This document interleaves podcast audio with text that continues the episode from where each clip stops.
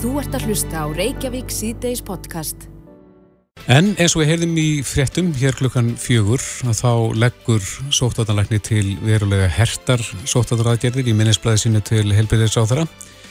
Segir hér í fréttin af vísi.is meðal þess sem lagt er til er 20 manna samkomi bann og að skólar tætti setna til starfa en áður var gert ráðir. Og Þórólu Gunnarsson, sóttatanlækni, skilaði nýjasta minnisblæði sínu til Viljum Þós, eh, Þóssonar, helbyrðisáþar í gær og þar leggur Þórulu til tölveg strángari svotandraðagetir en uh, hafa verið við líðu undanfarnar vikur. Og uh, Þórulu leggur þarna samkvæmt fréttinina vísi til nokkra leiðir fyrir stjórnvöld til að reyna að ná taki á faraldunum með fjöldi smita greintist innanlands í gær 220 manns Og það er líka sérstaklega mikið þegar tekið til litið þess að það var sunnudagur en það hefur verið sá dagur sem að fæst smitt greinast alltaf jafna því fólk er ekki einn stöðlegt að láta skýma sig um helgar, segir hér í þessari frétt. En e, það byrtir líka grein í morgunblæðin í morgun, það er Bergþór Ólason, e, þingmaður viðflokksinn sem að skrifa þessa grein. Það sem að segja meðal annars graf alveg eitt mál að læsa fríst fólk inni og Bergþór er á línu, kom til sæl. Já, sælir. Já, kannski til að byrja með, hvernig hljómar þetta, þetta reyndar ekki staðfest en, en uh, samkvæmt örugum heimildum að þá leggur sóttatunleiknir þetta til, 20 manna samkomiðbann og, og skólar hefist setna, Hvern, hvernig leggst það í þig? Nú, uh, þetta leggst nú því miður ekki vel í mig því að við erum auðvitað að horfa á það að þessar aðgerði sem að núna eru viðhafðar og, og þessi herðing á þeim sem að sóttatunleiknir leggur þarna til, uh, ef ég skildi þetta, Eh, eru þetta viðbröð við slæmu ástandi á landsbítala sem að, að eh, stjórnvöld hafa haft tvö ár til að bæta úr en hafa því miður eins og ég kemur ná í greinmenn í morgunblæðin í morgun lítið uh, aðhafst hvað það varðar að leysa brínustu málunni snúa því að snúa að, að, að COVID. Það er innendira. En er hann, er hann ekki akkurat að leggja þetta til vegna þessa, þessa metfjölda í smitum og uh, ef ég tók rétt eftir í gæra þá er talaðum á allt undir 600 komið til með að greina smitaði daglega, svona ef spár gangi eftir. Já, en, er, en er, eru þetta ekki bara smittölur sem við í rauninni þurfum að sjá vegna þess að miða við það að séu rúmlega 200 sem smitast á sólarhing, mm -hmm. þá mun að taka okkur rétt um fjögur ára að ná uh, viðmiðum svokallega hjarðónæmis Þannig að það eru þetta algjörlega ótrúlega tala ef að menn ætla að reyna að viðhafa öll viðbröð út frá því að það verður hér eh, cirka bát 100 smít á dag. Þá verður þetta cirka 6-7 ára að, að, að, að komast í hjarðónum í sviðinni. Þannig, þannig að ég held að við, við verðum að finna leið til þess að spítalinn ráði við það að smítum fjölki og sérstaklega núna þegar við, þegar við, þegar við sjáum að þetta Omikron eh, afbreyði sem kallaði er virðist vera hérna, mun mildara heldur fyrri. Þannig að, þannig að við þurfum svona komast, ég, ég held að það sé mjög stutt í það að, að þjóðunar sem við berum okkur sama við fari að víkja af þessari braut ofsarhæðslu og frelsistakmarkana og fara að leifa svona læra að lifa með veirunni sem okkur hefur því miður ekki tekist vel undanfarið ár svona eftir að bólusetning var, var uh, almenn og núna sjáum við þetta það að það er rúmlega helmingur landsmanna er telst rétt til sem er sko þrýbólusettur mm -hmm. og, og opin af rest tvíbólusettur.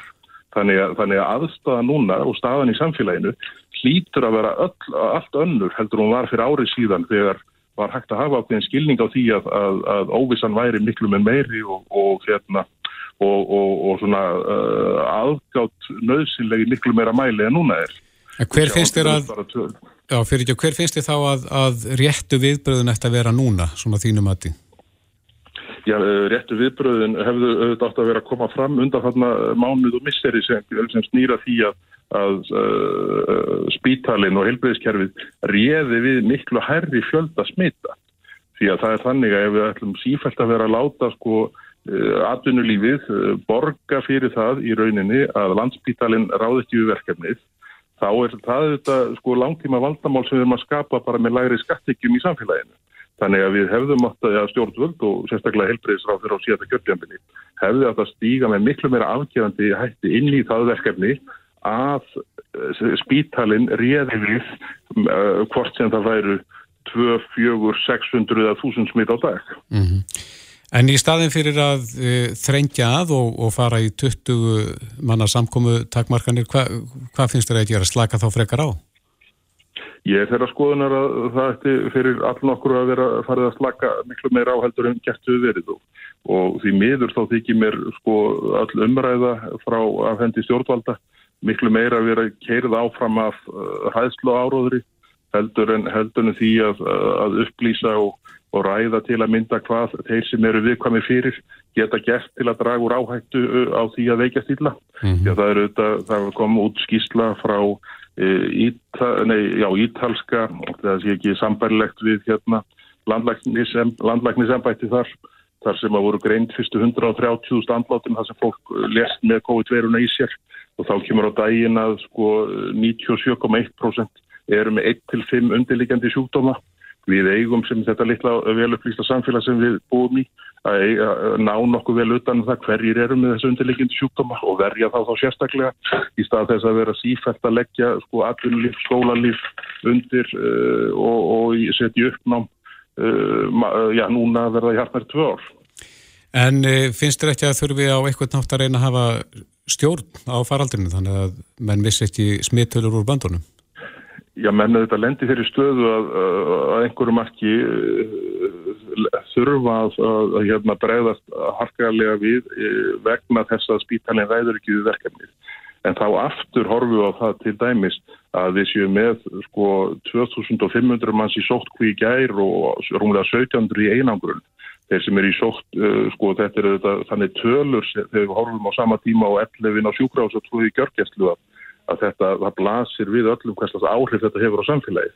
Og þetta ekki, getur ekki gengið svona og, og það eru þetta eins og ég segi þarna í greinin í morgunblæðin í morgun stór alvar, alvarlegt mál að vera sífælt að neppa stálhraust fólk í, í sótkví sem ég hérna má nú með einum öðrum hætti líka við stofufóngilsi mm -hmm. Þessi tímasetningi skipta máli þar sem nú er jólaháttin að gangi í garð Þetta er náttúrulega algjörlega hæðilegt að horfa til þess að fjölskyldur eh, sko, get ekki varið jólunum saman og, og sérstaklega þeir sem eru uh, settir í sótkví í dag, ef ég skil reglurna rétt, þá, þá, hérna, þá, þá losna þeir ekki fyrir eftir, eftir jól og, og, og þá er hérna, og þá alveg samakvortir eru smitaðar að COVID-19 ekki. Og mér finnst einhvern veginn stjórnvöldum hafa verið að mistakast því mjög illa undanfarið að, að, að, hérna, að, að gæta meðalhófs í, í þessum aðgerðum. Bergþór Rólasson, þingmaður miðflóksins, kæra þakki fyrir þetta og gleðileg jól. Það var alveg sjálfsagt, segjum það, gleðileg jól. Bless, bless. Þú ert að hlusta á Reykjavík C-Days podcast. Reykjavík C-Days, það náttúrulega fór mikið fyrir átækinu blóðskímun til Bjarkar. Jó. Eh, það sem að, þetta var heilmikið átæk, það sem að leita var til landsmanna mm -hmm. um að þeir gæfu aðgang að uh, blóðinu síni og, fólk fær, fær í hérna, blóðtöku og þá myndu vísendumenn hafa aðgang að blóðinu til þess að rannsaka jafnvel forstig uh, ægslis í blóði Er það ekki rétt, Sigurður Yngvi Kristinsson, professor í blóðsjúdómum, kom til sæl? Sæl. Er þetta ekki nokkuð degi rétt? Þetta er hár rétt. Við böðum þess að öllum íslendingum 40 ára eldri að vera með og rúmlega 80.000 ístendingar eh, skrifu undir upp í samþykki og tóku það sem er auðvitað alveg ótrúlegur árangur bara sjálfur sér. Já. Og síðan núna erum við búin að skema yfir 75.000 blóðsými og vorum hérna á þessari stóru banderskur að segja frá fyrstu niðurstöðum um fyrir tveim vikum. Já, og hverjar eru fyrstu niðurstöður? Já, fyrstu niðurstöður eru kannski þær að við sjáum að eh, um 5% íslendingar 40 ára eldri eru með fórstið merkjafslist sem er nú aðeins herra en við uh, byggust við mm -hmm. og um, síðan uh, kemur í ljós líka að uh, við erum nú þegar búin að greina um 260 mann sem er semst með lengra gengi sjútum heldur en bara þetta forstig sem að hefði lausir oh. en erum þú komni með talsverðan sjútum og heitir mallandi merkast og sumir voru reyndar með merkasti þegar við skimmuðu mm -hmm. og þetta fólk hefur auðvitað kláran ávinning af því að, að vera í þessari skimina rannsóknar því þetta fólk er komið í meðferð hjá okkur. Já. En síðan á þetta eftir að sjá hvort að það að skima heila þjóð, hvort að sé ávinningur því svona yfir heildina. En fyrir þessa einstakling er þetta klárlega gott. Já, og hvað hérna, þessi sjúkdómur, merk ægsli, hvað, Hvernig þróast hann í líkamann? Já, merkæsli þróast í raun og hann er með enginleist forsti sem að uh, fólk er með yfirleitt talsveit lengi áður en að sjútumur svona hægt og sígandi fyrir að gera vart við sig og getur þú alltaf blóðleysi, nýrnabilun og, og beina breytingum og jáfnveil beinbrotum mm -hmm. og okkar rannsók gengurinn út á það að uh, skema sjútumur og ná honum áður en að er farin að hafa áhrif á þessi lífari og geta bóðið meðferð áður en þetta er orðið af merkastli. Þetta vonum að geta læknað sjúkdóminn og komið bara algjörlega í vekk fyrir hann. Mm -hmm. Þú segir að þetta hefur greinst á 5% þeirra sem að tóku þátt í ykkar ansókn. Já. Eh, hvað byggustu við hárið tölu? Við byggustu við réttur umlað 3%. Já. En hvað, hvað segja þessa niðurstöður okkur? Já, þetta segir okkur auðvitað það bara að, að, að forstíð er algengt og það kannski skýrist einhver leita því að við vorum með mjög háan aldur kjóður, þannig að því eldur sem að maður er, þeim mun algengar er þetta, en þetta er sjálfgeft hjá yngsta hóknum okkar sem er 40-50 ára, það er um það byrjum 1% með þetta, en svo er þetta komið alveg upp í 15% hjá elda, elsta aldurshóknum mm -hmm. og svo segir þetta heil mikið bara um náttúrulegan gang sjútdómsins og, og það sem við erum að vega og meta núna er hvenar er ástæð til því að stiga inn í og hefja meðferð og hvenar er best að bara sjá að til það þróast ekki allir úr horsti í merkastlist yfir í merkastli. Mm. En þú segir að það eru einhverjir sem að tóku þátt í þessari rannsókn ykkar sem eru komnir í meðferð núna. Er, er þetta snúað þessu ferli við? Já, sko, það er þetta svolítið snemt að segja því að, að það er þetta bara nokkur ár síðan við byrjuðum að skema en eh, við sjáum að þeir sem eru komnir í meðferð hjá okkur hafa að svara vel og þetta lítur mjög vel út en síðan auðvitað verður tímum bara leiðið ljós hvort að þetta fólk sé læknað og lokku lost búið að losta við sjúkdómin eða hvort að hafa sér ykkur möguleik að koma aftur. Er, er þetta sjúkdómur, hættulegu sjúkdómur sem að leiðir til döða? Já, þetta er eins og þetta er núna, þá er, er ólæknandi sjúkdómur ah, og heimi það sem ekki er skemað þar greinist í rauninni ekki nema 2-3% á þessu forsti, þannig að flesti sem greinast með merkasli, ef maður er ekki að skema, þeir eru þegar kánið með sjúkdómin og enginn visti af forstiðinu. Og það eru þetta líkilatri í Íslandum skimunarransunum eins og hefur verið sínt fram á til dæmis í brjóstakrappamennum og liðaskappamennum að það er búið að sína fram á það með svona reysastóru ransunum og það er ávinningur af því að skima og bregðast við. Og nú eru við að reyna að svara því bara fyrir heiminn hvort það sé ástæð til að bæta merkagslu og forstíði merkagslis við í skimunarprogrammin. Eh, þetta verkefni er einstakt, er það ekki á heimsvísu? Jú, þetta er alveg einstakt og fólk missir bara andan og höguna og allt í senn þegar við segjum frá þessu. Bæði náttúrulega þessi þáttaka og hversu góða eftirfylgni við erum með að fólk mæti bara þegar það á að koma og fólk svara spurningalistunum okkar en að við erum að ná að endur skilgreina sjúkdóma í sérstaklega til dæmis á þessum erum með nýr, skerta nýrnastar sem við gáttum svara eins og mikið á spurningum um COVID Þannig að fórstu merkastlið sér til þess ekki með verri horfur eða aukna líkur á COVID sem er ansið mikilvægt og, og, og svona hefur þetta. Þannig að þetta vart alveg gríðilega aðtikli og vekur bara enn. En maður búast við því að þessi prósendu tala sé eins allstæðar? Í öðru löndum mennur. Já. Já, sko það er vitað hjá sagt, svörtum í, Afrik, í, í bæði í Afrik og í Pandaríkjunum og þar er þetta tvöfalt algengara. Já. Eh, og það er svo sem enginn, við vitum ekki ennþá af hverju, við erum í samstarfi við vísinda fólk í Boston sem er einmitt að, að skema lítinn hóp þar, mm. þannig að við ætlum að skoða og bera svolítið saman. Þetta er sjálfgjæft í Asíu, það er eitthvað svona aðeins um fjölskyldusögu sem uh, útskýrir eitthvað að þessu en meira og vinna vitum við ekkert um orsakir þessa sjúkdóms eða fórstið þess og þetta er eitt af þessu sem við erum að skoða hjá blóðskjöman. Hvað verður síðan um verkefnið? Líkur því eða er þetta áframhaldandi? Já, ég held að því sé bara ekkert að fara að netta ljúka. Við höldum bara áfram að, að fylgjast með fólki og, og rannsaka og skoða. Þetta mjög forvitið fólk sem stendur að þessu. Og heldur fólk áfram þar sem þeir sem skrifið upp á eh, hafið aðgangað af fleiri blóðsýnum hjá fólki? Nei, við erum í rauninni búin að skima alla sem að uh, vildu vera með í, í upphafi og nú eru við bara að vinna úr því og fylgja fólki eftir og sjá endur með þetta þetta tiltekna prótein sem við mælum, sjá hvort að það sé að hækka eða lækka og hvort að sjútumir virðist vera þróast á verri veg og þá eru við tilbúin á hliðin að, að grýpa inn í. Já, og svona hvenar kvittið undir niðurstöður ansóknu? Já, það er rauninni stöðut bara eitthvað nýtt að koma ljós. Við erum nú þegar búin að byrta þrjár vísindagreinar upp úr þessu og erum bara að skrifa fjöldanallan af greinum. Þannig að það er svona stöðut eitthvað að koma ljós. En líkil rannsóknarspurningi har að segja að ættu allir að byrja að skima fyrir fórstíði merkaslist. Það tekur nokkur ál þannig að við fáum svaru henni. Já, þannig að það gæti orðið niðurstaðan að þetta verður þá bara sett inn sem svona fastur liður í, hjá þjóðum heimsins að, að skima fyrir þessu. Já, það er raunin það sem við, ætlum, við erum raunin að svara þeirri spurningu. Já. Ertu komið með eitthvað svona bráðabýra niðurstöðu því?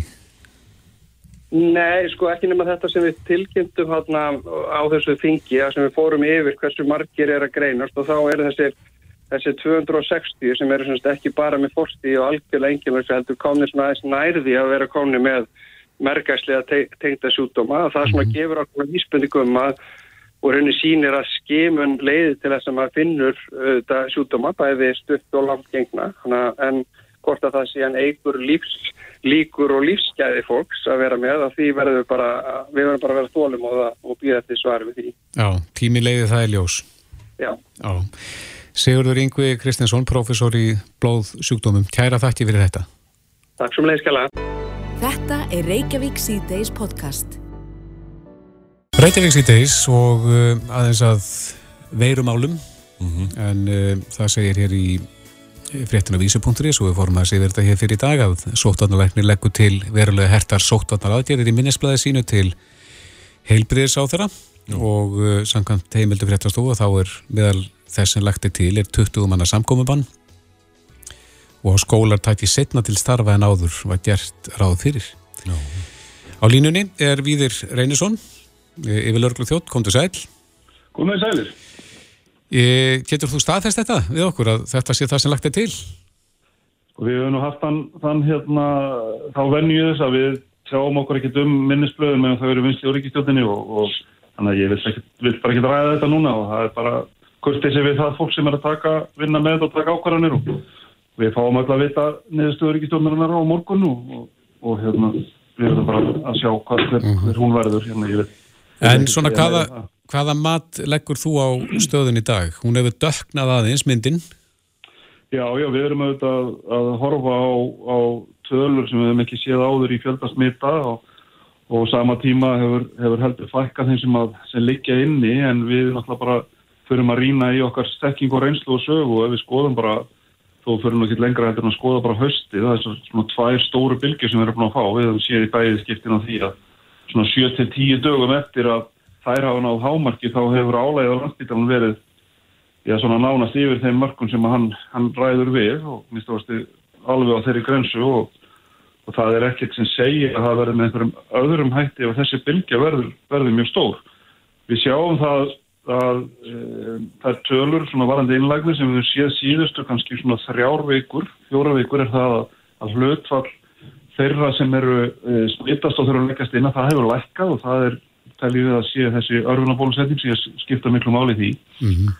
og ef að það hendur þannig áfram að þá, þá hérna ráðum við við fleiri smitt per dag hendur við um kannski talaðum áður og, og það verður okkur með ljós en, en síðan eru þetta þessi þessi hérna, ómikrón, þetta ómikrón-abriði sem, sem við erum að sjá er að valda miklu álægi og kerfi til þess bara erum mikið verið í samskiptum við Danin og sjá hvað er í gangi þar og, og þetta er orðið mjög þungt hjá þeim og enda hafa þeir gripið til harðað aðgjörða. Þannig að staðan er í sjálf og sér þannig að, að það er ekkert annað í, í bóði heldur en að gripa til, til aðgjörða meðan við höldum áfram að, að læra og, og reyna. Vi, vi, við höfum ekki efna á því sem samfélag að að býða og sjá mikið lengur og, og fá stóra bylgu sem að bæði getur verið þannig að, að e, þó að miklu læra hlut að fólk veikist alvarlega að þá getur fjöldið þegar það þannig að það okkegi kæra um okkar og, og svo veitum við bara ennþá það lítið um þetta ómikran afbreyði.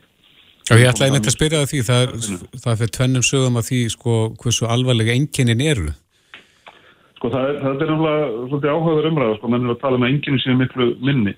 Sko það sem er, það sem sérfræðingar er að segja, til dæmis eins og í Söður Afríku og, og í Danmarku og fleiri stöðum, það sem menn er að vinna með þessi tilfelli, er, er ekki það að enginni séu minni, það er bara hlutastlega færri sem veikjast og þeir sem veikjast, þeir veikjast ílla. Þannig að það er bara, þeir, þeir eru miklu færri heldur en við höfum séð áður. Þannig að við til dæmis getum við að horta það að hjá okkur núna í haust það var 2% þeirra sem að hafa smitast að vext mjög illa mm -hmm. en í Danmörku er, er staða núna var þetta ómikrón hérna, tilfellin að það er 0,7% þeirra sem er að veikjast mjög illa.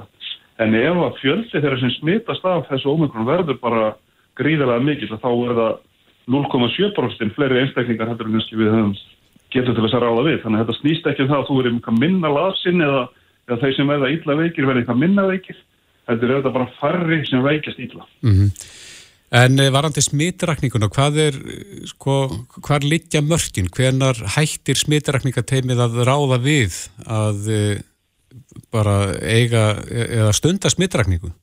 E það, það, það fer svo mikið eftir í hvað stór hluti þeirra sem að, sem að hérna, e, við erum í samskiptum við, sem þeirra sem er að greina hvað stór hluti þeirra hefur í sókvi. Það munar auðvitað öllu ef að einstaklingur sem er, hefur, hefur, hefur verið sótku í nokkra daga og greinist síðan þá er hann ekki búin að útsetta neitt jáfnvel meðan að annars sem er búin að vera á ferðinni í vinnunni og, og hingað og þangað og heita marga á fjölskyldinu þannig að kannski útsett mjög marga þannig að vinnan í kringum slíka einstaklinga verður margvall meiri. En við erum alltaf að búa til betur og betri kerfi í kringum þetta hjóku þannig að, að við erum með sjálf sér miklu færri einstaklinga að vinna í í þessu núna heldur við vorum með, með til að byrja með. Og það, það er bara vegna þess að, að okkar frábæra tölvufólk hefur bara búið að búa til kerfi sem að hjálpa okkur og spara okkur svo gríðalega vinnu. Þannig að við erum áforma að þróa þau mál og erum að koma núna með nýja útgafu af þessu smittræninga kerfið okkar, þessu innanúskerfið okkar sem að hjálpa okkur til þess að ráða við enda fleiri tilfelli. Þannig að Er, er það þetta tölvu forrið eða það er að segja appið sem að smittrækningar appið?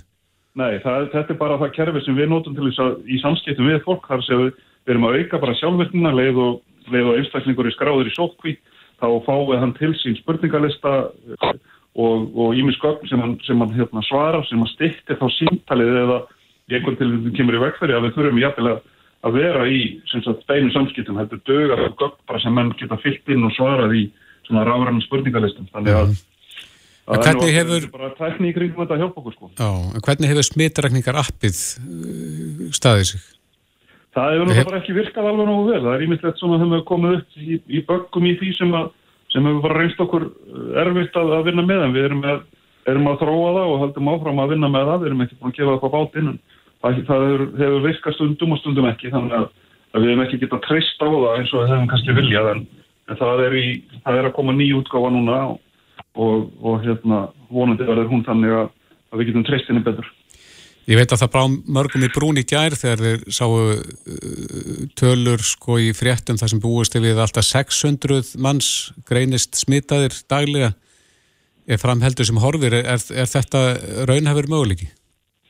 Já, þetta er alltaf einu af þeim sviðsmyndir sem við erum að vera að, að skoða og, og, og hérna, það má segja að, að hún hafi tvær hliðar. Það er annars vegar það að það verði svona margir sem smittast og, og uh, kannski sama hlutfall eins og við sjáum í Danmörku sem, að, sem veikist alvarlega og síðan eru þetta þessi, þessi, þessi sviðsmyndi getur verið þannig að, að það svona margir smittist en hlutfall þeirra sem að veikast alvarlega sé að það er jæfnvel ennþá læra og það er leiðandi verið þetta viðraðanleira en, en hérna við, við höldum það allavega að 600 smitt sé einhvað sem munir setja okkur á hliðin og við þurfum bara að grýpa til aðgjara núna til þess að komum vekk fyrir að, að fara að þanga. Við erum búin að vera með yfir 200 smittunni nokkra dag og það er ansið margur stöðum í kjærlunum sem að kveikt er í og, og eins og ég segja þá er það sem við höfum að mestar ágjara á er, er hvað gerist þá á, á hérna, í helbriðiskerfum í framhaldinu þegar, að, þegar þessi einstaklingar sem eru búin að greina síðustu daga þegar þeir af þeim sem verða veikir,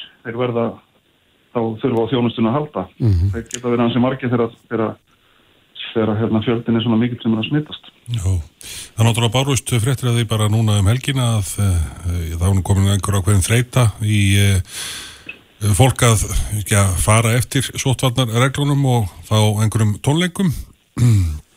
Er þetta eitthvað sem að fólk þarf að hafa ágjörð að fólk er e, hægt að hlýða við í? Já, já, er, ég veit ekki hvernig við morðum það en, en sko við allavega höfum það hérna heimsóttum viðbörahaldara í, í núna vikunni fyrir helgina og svo kíktum við á, á þessu stóra viðbörði og ég verði að segja að það var svona heiminn að hafa myndi framkvæmdarinn að ráða þessu. Við, við sáum tónleika það sem að það sem var fjöldi fólks að vinna til þess að svona benda fólki með þetta með grímunar, stýra umferðin og þannig að myndast ekki tróðan ykkur og, og síðan sjáum við líka tónleika það sem að, það sem að voru kannski að fá starfsmenn og, og, hérna, og tónleikagestir voru alltaf komið til að skemta sér og, sleftu fram að sér beislinu meðan að tónleikarnir voru og hérna, maður skilur það svo sem alveg að eins og einhver, einhver sagði að það er ekki bannað að var gaman en, en þegar að búið er að, að hérna, neita þáttu mikið sáfengis og og taka niður grímuna og, og, og, og hérna, þá er auðvitað hömlur auðvitað minni og smittættan meiri ef það er einstaklingur. Á móti kemur að við teljum að þessi hraðbrót drægi úr, úr líkunum þannig að vonandi, vonandi hérna, er ekki margir sem smittast en, en, en það er auðvitað einhver skýring á því af hverju tölunar að fara svona upp og við meðum ekki gleyma því að Omikron er, er ekki drosalega mikið komið til okkar. Við erum bara með örfó prósent þeirra sem er að greinast að hverjum degi með omikron hín við erum bara með þetta delta aðbreyði og, og það er þá fyrst og enn svona hreyfingin á okkur og, og eðlilega á þessum ástíma þá er, er meiri samskipti, við erum hitta fleiri og annað þannig að þá getur þetta, þetta gerst mjög rætt. Við heyrðum í Bergþóri Ólarsinni þingmanni miðflokksins í, hérna á fyrir klukkutímanum, hann skrifaði grein í morgunblæði í morgun það sem hann er að tala um að stálröst fólk sé sett í sótkví og það með líka því við stofufangilsi Eh, hann heldur líka fram að það væri gott að fá hærri smitt tölur þannig að hér verði myndist hjarðónami fyrr. Já, og segir við þessum fullerningum. Ég þetta er mjög stór orð og, hérna, og áhugavert að sjá þingmann sjá sem er þessum hætti og það er bara eins og við höfum alltaf sagt að, að hérna, það skiptir gríðarlega miklu máli í þessu, þessari faróttu að, að öll sjónamið komið fram og hlustum á allt sem við verðum að segja og það er, það er alltaf einhvað sem að sem að þegar fólk er að tala sem að skipti máli og, og það var örglega við um þessu töfnil eins og eins og á fleirum sem hafi verið á þessari línu en, en ég þarf bara að lesa þessa grein betur og ég veit ekki hvort það er rétt haft eftir honum að, að það sé eitthvað skrítið að full, full fríst fólks er sett í sótkvíð það er auðvitað það sem sótkvíð er ég, hann er kannski að rugglast á sótkvíð og einangrun veit ekki alveg hvað, hvað ég meina með þess en það er auðvitað þannig að þeir sem að eru með COVID þeir fara í einangrun, þeir sem eru útsettir og eru þar að leiðandi við það eru þá vonandi helsurhöstir og, og helbrið og þeir fara í sótt kví að þeir eru útsettið fyrir þessu þannig að það er kannski einhver, einhver miskilningu þar en ég held að stóra málið hjá honum sé bara ef við erum að skilja þetta rétt að, hérna, að uh, honum finnist bara aðgerðnar og harðar sem við erum að gera og, og það er að leifa, leifa verðinu að, að hérna, fara yfir eins og hann segir að, hérna, að með því ná við hérðunum en, en þá bara aftur minnum að vil ég minna á þetta með að það því fleiri sem smittast að þó að hlutvall þeirra sem veikja stýla sé mjög látt að þá, þá bara ræður heilbríðiskerfi okkar ekki við við meira og, og maður geta svo sem vera að beina bustónu sínum í allar áttir og að kenna eitthvað öðrum um að af hverju það er þannig, af hverju kerfið okkar ekki betra. En við getum líka að skoða bara löndir í kringum okkur þar sem að það er í sjálf og sér ekkert heilbríðiskerfi sem ræður fullkomna við við svona heimsvaratur ég það við munum öll eftir myndun á Ítalíu í mars og april 2020 og við sjáum bara hvernig staðan er í Danmark á tímafili og stefnum nú í það aftur núna. Þannig að það er fyrir hverju alltaf að vera undirbúin að takast á við mm -hmm. helbæriskerfi þarf að, þarf að geta tekist á við ákvæmlega hluti en, en ég held að það sé ekki, ekki mörg helbæriskerfi heiminum sem ráði við heimst á þessari stað Nei, Viðir Einarsson yfirlauruglu þjótt hjá Almannavarnandild Ríkislauruglustjóra, kæra þakki fyrir þetta. Takk sem að leiðis Reykjavík síðdeis á Bilginni podcast Jæja, Reykjavík síðdeis. Það er nú spennandi tímar þegar það kemur að hérna mjölkuframlist í dag, sér væri fréttum. Já. Já, nú er það að selja mjölk í lausu, má segja. Já. Og þú getur bara komið með ílátt. Eins og var bara gert hér ráðu fyrir jóldis, eins og ekki segði. Akkurat. Þannig að þetta er, maður sér bara fyrir þessi gamlu hérna mjölkuflöskuna. Já. Svo bara kemur og setur undir stútin.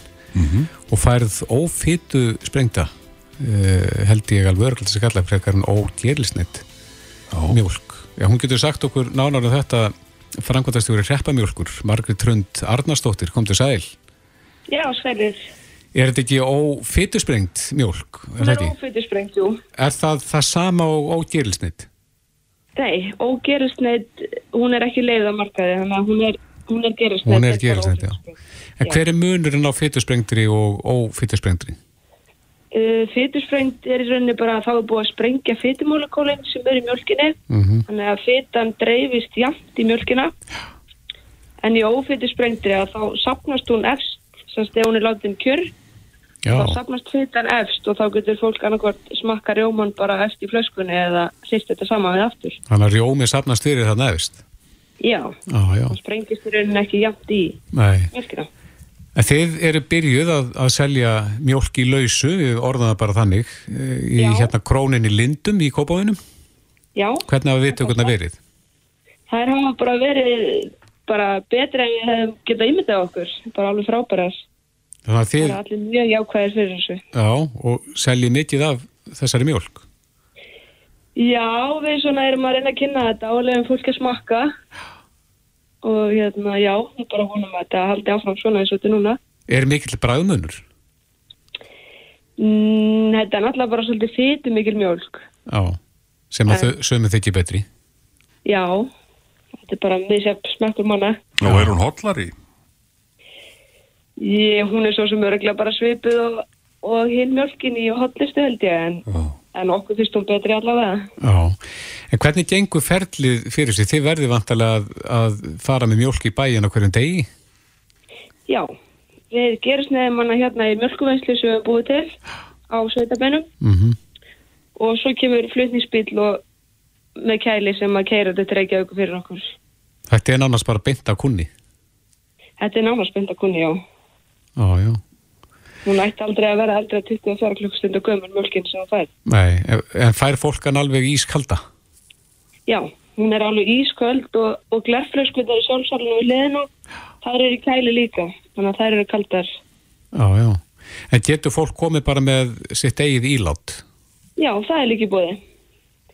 Og Það hvað, getur bara komið einhverja könnu að heimann eða eitthvað. já, og fólk setur það bara ílátið undir og, og hvað fær fólk síðan mikið í ílátið? Það getur mest fengið eitt lítur í einu. En þú heldur bara einn í takka sem að mæli millilítrana. Þú Já, getur bara já. að stoppa hvernig sem er. Já, þetta er bara nánast eins og að renna upp að bensindæl.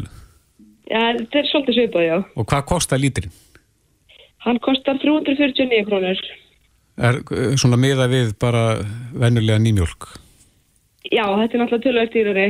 Já. En þú færð ekki feskari mjölk eða jafn lítið unna eins og þessa. Og svo náttúrulega einmitt þurfum við að keira hann til Reykjavíkur hann að þetta kostar allt. Já, akkurat. En sjáu þið fyrir ykkur útrás eh, að þið fara á fleiri staði? Við vonum að sjálfsögðu að það er eftir að gerast í framtíðinni, já. Við erum að vinna þetta bara með krónuna eins og er og mögulega að fyrir til fleiri krónuverslanir á nýja ári. Já. Og stendur til að eh, vinna eitthvað meira úr, úr mjölkinni síðan með til svölu eins og til dæmis osta og, og annað slíkt? Já, það er allt í þróun. Uh, Við erum að þróa hérna bakaða jógurt. Bakaða jógurt? Í. Hva, hvað, hver er munurinn á jógurt og bakaðri jógurt? Hún er svona eins og búðingur. Já. Hún er svona í föstu formi hálkið. Já, já. Og hún er ekki með neinu viðbættu segri. Er það þá svona svipað eins og hvað uh, ábristir eða? eða? Nei, ekki að bræðu. Þetta er, þetta er svona freka mildt, finnst okkur. Mm. Getur verið gott að setja ber eða músli eða góti í þetta. Já, já. En uh, þið seljið þetta sem sagt á flösku, þannig að nú eru bara gömlu, eru mjölkuflöskurna gömlu komnar aftur. Já, við ætlum að reyna að koma þeim að marka allavega. Já. Þetta minni bara nánast á mjölkupóstinn. Já, mér svona finnst það fólki allavega að það, það fær smá flossbakk. Já. En hérna viðstýtta vinindir, hefur þið tekið eftir því hverjir eru aðalega að kaupa mjölkina? Það er bara allur aldur. Krökkum finnst þetta rosalega spennandi og hafa aldrei smakað góða mjölkvörg. Mm Og svo er náttúrulega eldra fólk sem að hefur kannski alveg upp í sveit eða var í sveit. Það er náttúrulega að færi smá svona, já, kannast við þetta. Já, akkurat. þetta er bara allur aldur. Já. Já, þetta er vel til fundið og þið eru bara rétt að byrja það ekki hjá, hjá reppa mjölk. Já, Hva, hvaðan keirið þetta mjölkin? Er, kemur hún frá einum bæ? já, þetta er bara frá okkar sveitabæ, Gunnbjörnarholti. Já, akkurat. Já, gaman að þessu og, og hérna gaman þegar að fólki dettur eitthvað nýtt í hug. Já, Margrét Hrund Arnarsdóttir, frangvandastjóri Reppamjölkur. Kæra þætti fyrir spjallið og gangi ykkur vel með þetta. já, takk fyrir kella. Reykjavík síðdeis á Bilginni podcast. Lítum aðeins inn í dómsali. Já. Eh, það var dómur sem vakti aðtikli sem var fjall í landsrétti á föstudaginn en uh, sá dómur snýri að Helga Seljan fjölmjölumanni mm -hmm.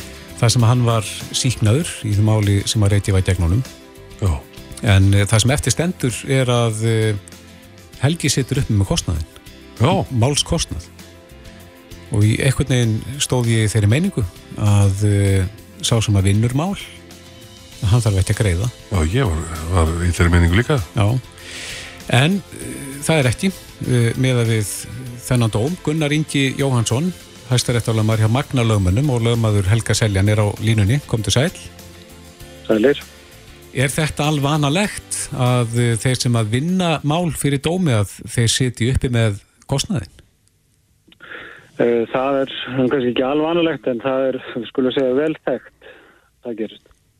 En hvað, hvað er það sem að, sem að veldur því að, að sá sem vinnur mál siti uppi með kostnaðin? Hvað, hvaða aðstæðu þurfa að vera til staðar? Eh, sko það er erfitt að segja til og það vegna þess að málskostnar ákvarðanir í, í dómum er yfirleitt ekki raukstuttar, Dó, dómstálar raukstu ekki hvers vegna þeir taka ákvarðanum að eh, til dæmis láta málskostnar niður falla.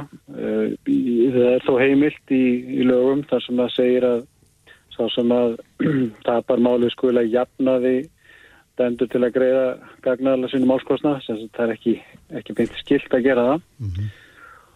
en það er þá ímið sjónamið sem að búa þetta baki og, og en það er svolítið ómunlegt að segja hvaða sjónamið dómstálega leggir til grundalir í einstaka málum. Og oft eru menn bara svona gíska á hvað, hvað veldur sko, það getur uh, getur verið ímislegt en en eins og þessu tilviki þá, þá vitum við ekkert um það vegna þess að það stendur sjálfsög ekkert um það í, í dóminum og þetta er gert bæði í, í hérastóminum það sem að málskostnaraláttinn falla niður melli aðila þar að segja svo sem að tapar máluna hann þarf ekki að greiða málskostnaðin og við áfriðum því sérstaklega til násettar og, og hérna það var það sama niðurstað en þó engar sérstakar skýringar sem voru gefnar á því. Nei. Hvað fælst í máskostnaði? Er þóknur lögmanns inn í því? Þetta er aðalega þóknur lögmanns og, en, og eins og í þessu tilviki þá að því að, uh, að því við þurfum að áfrýja uh, sérstaklega þeirri nýðustuðu hérastóms að að fella niður málskostnæri hér að þá þarf að borga líka uh, dómsmála göld sem eru 10.000 sem að greiðast til dómsmáls og þá þá ekki endur greitt uh, þannig að það er, það er líka inn í þessum kostnæði en þetta er aðalega lagmarsóknin En er þetta ekki varasamt að uh, þessi háttur geti verið hafður á? Að sá sem er dregin fyrir dóm vinnur málið að hann siti uppi með, með lagmarskostnæðin Jú, við sjáum það til dæmis í þessu máli þá var einn dómar sem að skila sératkvæði og hann vildi þess að sakveitla hann fyrir meðir eða ómerkja einhverjum að lið og hann segir í sínu sératkvæði uh, að hann taldi rétt að dæma helga til þess að greiða 600.000 krónur í miskabætur mm -hmm. og það er auðvitað miklu lægri fjárhæð heldur en kostar að taka til varna í svona máli þannig að það er svona vonamenn spyrji er ekki bara, er ekki bara best að borga? Og hver er kostnæðurinn í þessu máli? Hann eh, hleypur á miljónum tveim dómsum En e, þú ert, þetta er ekki fyrsta skipti sem að þú kemur að málafællum sem að reytin eru gegn fjölmjölafólki, þú fóst með mál Erlu Lindstóttur er það ekki út? Jó e, Og snýri það að svipiðu málum? Það snýri ekki að, að mál, það, sko, það vantar svo sem ekkert upp upp á það og vantar ekkert upp á það þegar að fjölmjölamenn sem sagt tapa málum í dómstólum að þeir séu dæmdi til að borga málskostnaða. Þetta er yfirleitt bundið þegar málskostnaðarfeldin eru þá er yfirleitt alltaf bundið við það að, að, að þessi stefnandi sem að tapar máli Mm -hmm. En ef að, að stemdi tapar málinu, það er, er gert að þóla ómerking og einhverju mölum, þá, þá er nú alltaf stemdu málskostnað til stefnandamálsins. Mm -hmm. og í þeim málum þá, þá snýrst þau náttúrulega um, um það hvort að það hefur verið e, réttlætanlegt að ómerkja umæli þeim tilökum en ég e, hef alveg unni fyrir fjölmiðla þar sem að málskostnaður er bara mjög stór uh, liður í, í rekstri viðkomandi fyrirtækis. Og þá er það bæði, bæði mál sem að er, uh, bara við hefum mikið af málum þar sem, sem að uh, e-, ekkert viti og hefði aldrei átt að vera höfðu það og, rauninni, og svo fá menn ekki málskostnaðin uh, bættan þá þeir vinni málið. Þannig að þetta er bara kostnar við það að taka til varna og ég veit svo ekki alveg hvort að hugsunin hjá, hjá dónstólum sé svo að þetta sé bara svona einhver eðlilegur útgjaldaliður hjá fjölmjölum eins og hjá átryggingafélagum að taka til varna fyrir dómi en ég held á að það sé algjörlega og samanbæra heftin. Ég mann til dæmis sérstaklega eftir einu tilviki þar sem að sami aðilinn hafði tvö dómsmál mm -hmm. gegn sama fjölmjölum. Annað var út af uh, myndbistingu eða nótkun á myndum sem við komum dætti og hitt á meðramál og þessi mál voru reygin saman eh, sem tvö dómsmál er reygin saman og samlega flutt saman og dæmt saman. Og uh, eh, niðurstafan svo í hvað var það nótkun á þessi myndum sem var þetta smámál í þessu samengi að að við komandi vann það mál og fekk einhverjar bætur fyrir snótkun á þessu myndum og og einhverju hundruð þúsund í málskostnað. Á sama tíma var síknað af ómerkingakröfu, hann tapaði meðra málinu en þar á málskostnaði feldi niður. Já, þýrst þetta, þetta að vera meira klift á skorið? Það er að segja að þetta sé ekki þá gethóttar ákveðin dómara? Já, það væri svo sem allt í lagi að, að fá bara einhvern raukstunning betri fyrir því hvaða er sem að býra baki Uh, svona málskvæðum ákveðin því það hjálpa líka bara þetta mönnum að taka ákvörðinu um það hvernig þið menn vilja reyka svona mál. Já, en, en í þessu máli sem við erum að ræða hér, máli Helga Sæljana þá vantaði raukstöðning fyrir þessari ákvörðin dómara?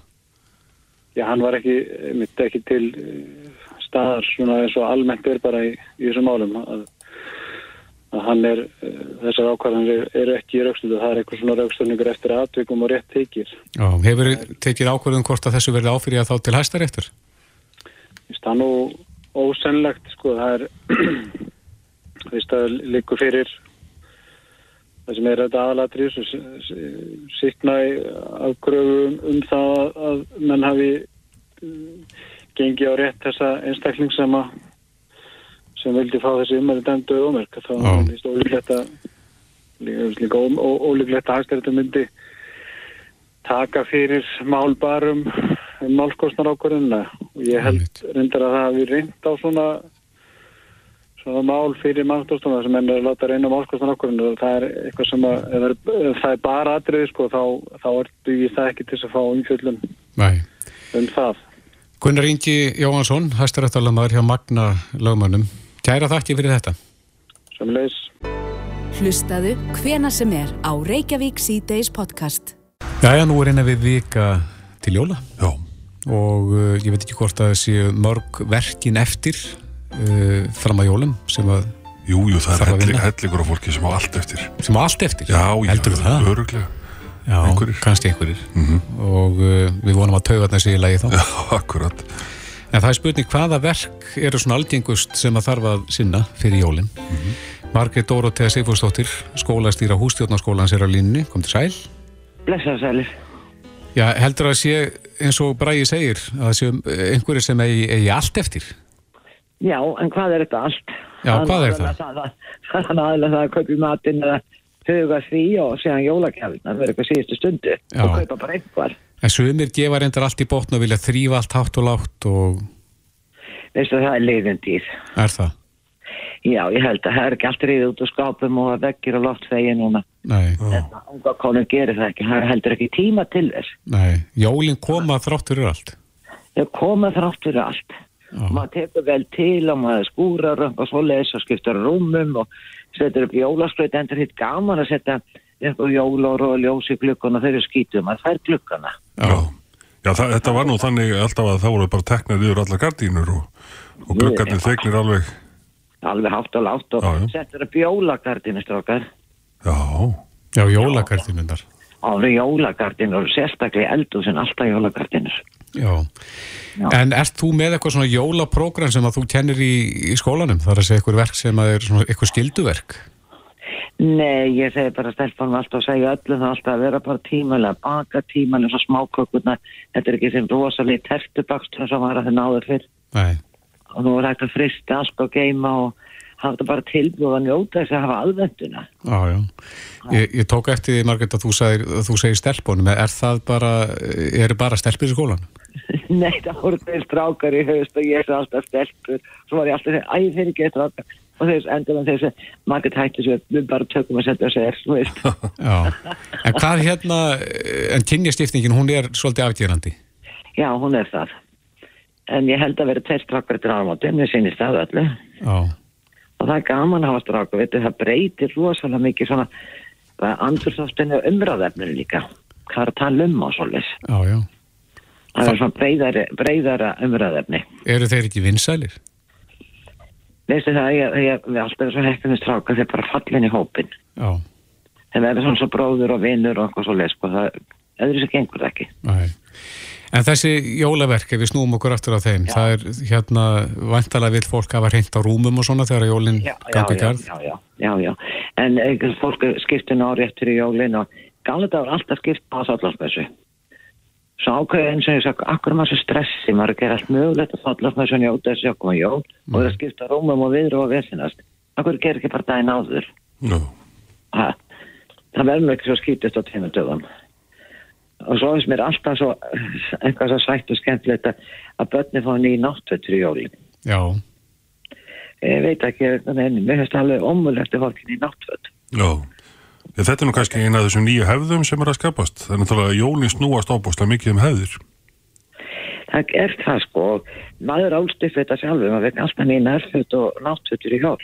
Já, já. En er eitthvað jólahefðir sem er á útleið? Þú talar hann um til dæmis þrifin?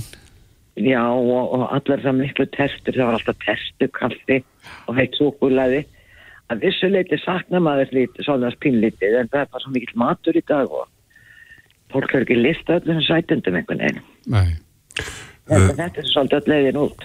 Já, talandi um matinn, það er nú kannski tvent sem að á það til að klúrast hjá fólki en e, þú kannski ert með gott ráði það, það er annars vegar að búa til jafningin og hins vegar að brúna karteflur.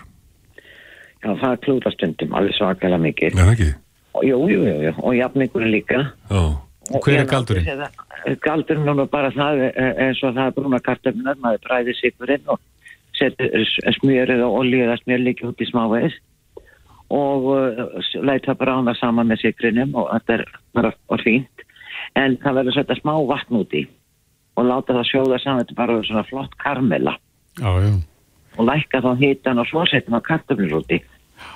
Já, það er- ekki að steikja sigurinn við háan hitta. Nei, og það er líka þjóður að, að, að bara sjóða kartum bara morgun og er búin að skræla og hafa þetta tilbúið, það er heitna í karmelunni. Já. Hún er svo ofsalega heit. Það verður ekki að standa og skræla einhver lífandi spýtna kartumur rétt fyrir sex eitthvað svo leis. Það er bara stress.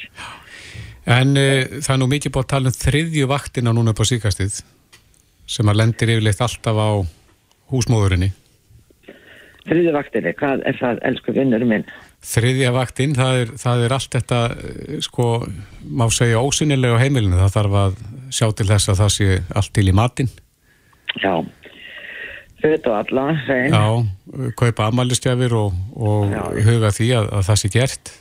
Já, ammælskafur, jólagjafir, fermingagjafir, allir þessu undirbúningur. Þetta er yfirleitt alltaf að hendi kanna. Já, Það er það, maður, þegar maður er að spyrja krakka þessu og og fólk sátti sjónvarpinu það er allir segja, mamma. já, akkurat. En sambandi í jafningin, ég átti þetta að svara jafningin. Já. Það má ekki gleyma honum.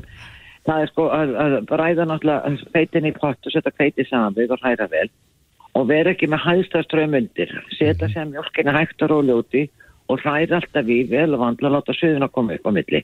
Það er ekkert verið en að vera með rátt feitibröð. Já, Og ef að hitin er á hár það vill það brenna og ef þið verið vörfið að fyrir að brenna þá bara skellir sér nýjan og hreinan pott. já, ekkert að vera inn að bjarga því. þá bjargar maður því alveg sko. Já, það bjargar því alveg. já. Og set ekki of mikið sigur, smá sigur og ég set alltaf smá múskat, það er bara einstaklingsbundi sko. Mhm.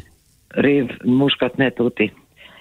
En þetta er nú allur galdurinn, en svo sá ég uppskritt og hagkvæði ger og þátt vera næstu helmingurinn af, af hérna, hangingett svo til jafningi, næsta svolítið svona spes. Já, Já, bara hver veit verið að hafa þess að vill. en Margrét, svo stýttist í hérna skötuvisluna Já, já, já, já, á Þottlák. já, indislegt. Já, það er alltaf þessi sama umræða, sko, hvernig losnar við, við lyktina eða fíluna, eins og sumir vilja meina. Þetta er náttúrulega ósalega sterk líkt og við setjast í fjöt og húsgögn og allt mögulegt. Já, Já, mælur maður- með að þetta sé eldað úti bara. Já, ég fann að gera það, ég sé það bara úti. Já, og þá, að þá er engin lykt inni. Nei, það kemur náttúrulega annars einur sem að kemur með henni heita inni, það er ekkert með að vera sjóðan inni. Nei, Ég já, og ég var með blöytan klúti yfir og loka yfir og þá sagði þið aldrei neitt út úr að sagði aldrei neitt svona almeinlega, það bara var þarna við söðurmark. Mhm. Ég ætla aldrei lást við lyktina þess mér. Nei. Ekki einu svona hangikjöðslyktin uh, trompar skötulyktina. Nei, það er nefnilega það sko, það- hún, hún, hún deyfist og þetta fer, en hún er ansið leiðilega og kemleði húsi. Já. Og þá má sjá við hangi getur rauðkóla allan pakkan. Einmitt. vil eima alltaf aðeins eftir sko. Já, já. En Margrét Dóratea, skólastjóri hússtjórna skólans, við Já. segjum bara njóktu jó- jólana eins og, eins og aðrir. Já, sömulegist það komið nú. Kærar og hafa þakkir. kæra þakkir. Gleðileg Já, jól. Takk, Já, bless. sömulegist, já, bless. Þetta er Reykjavík C-Days podcast.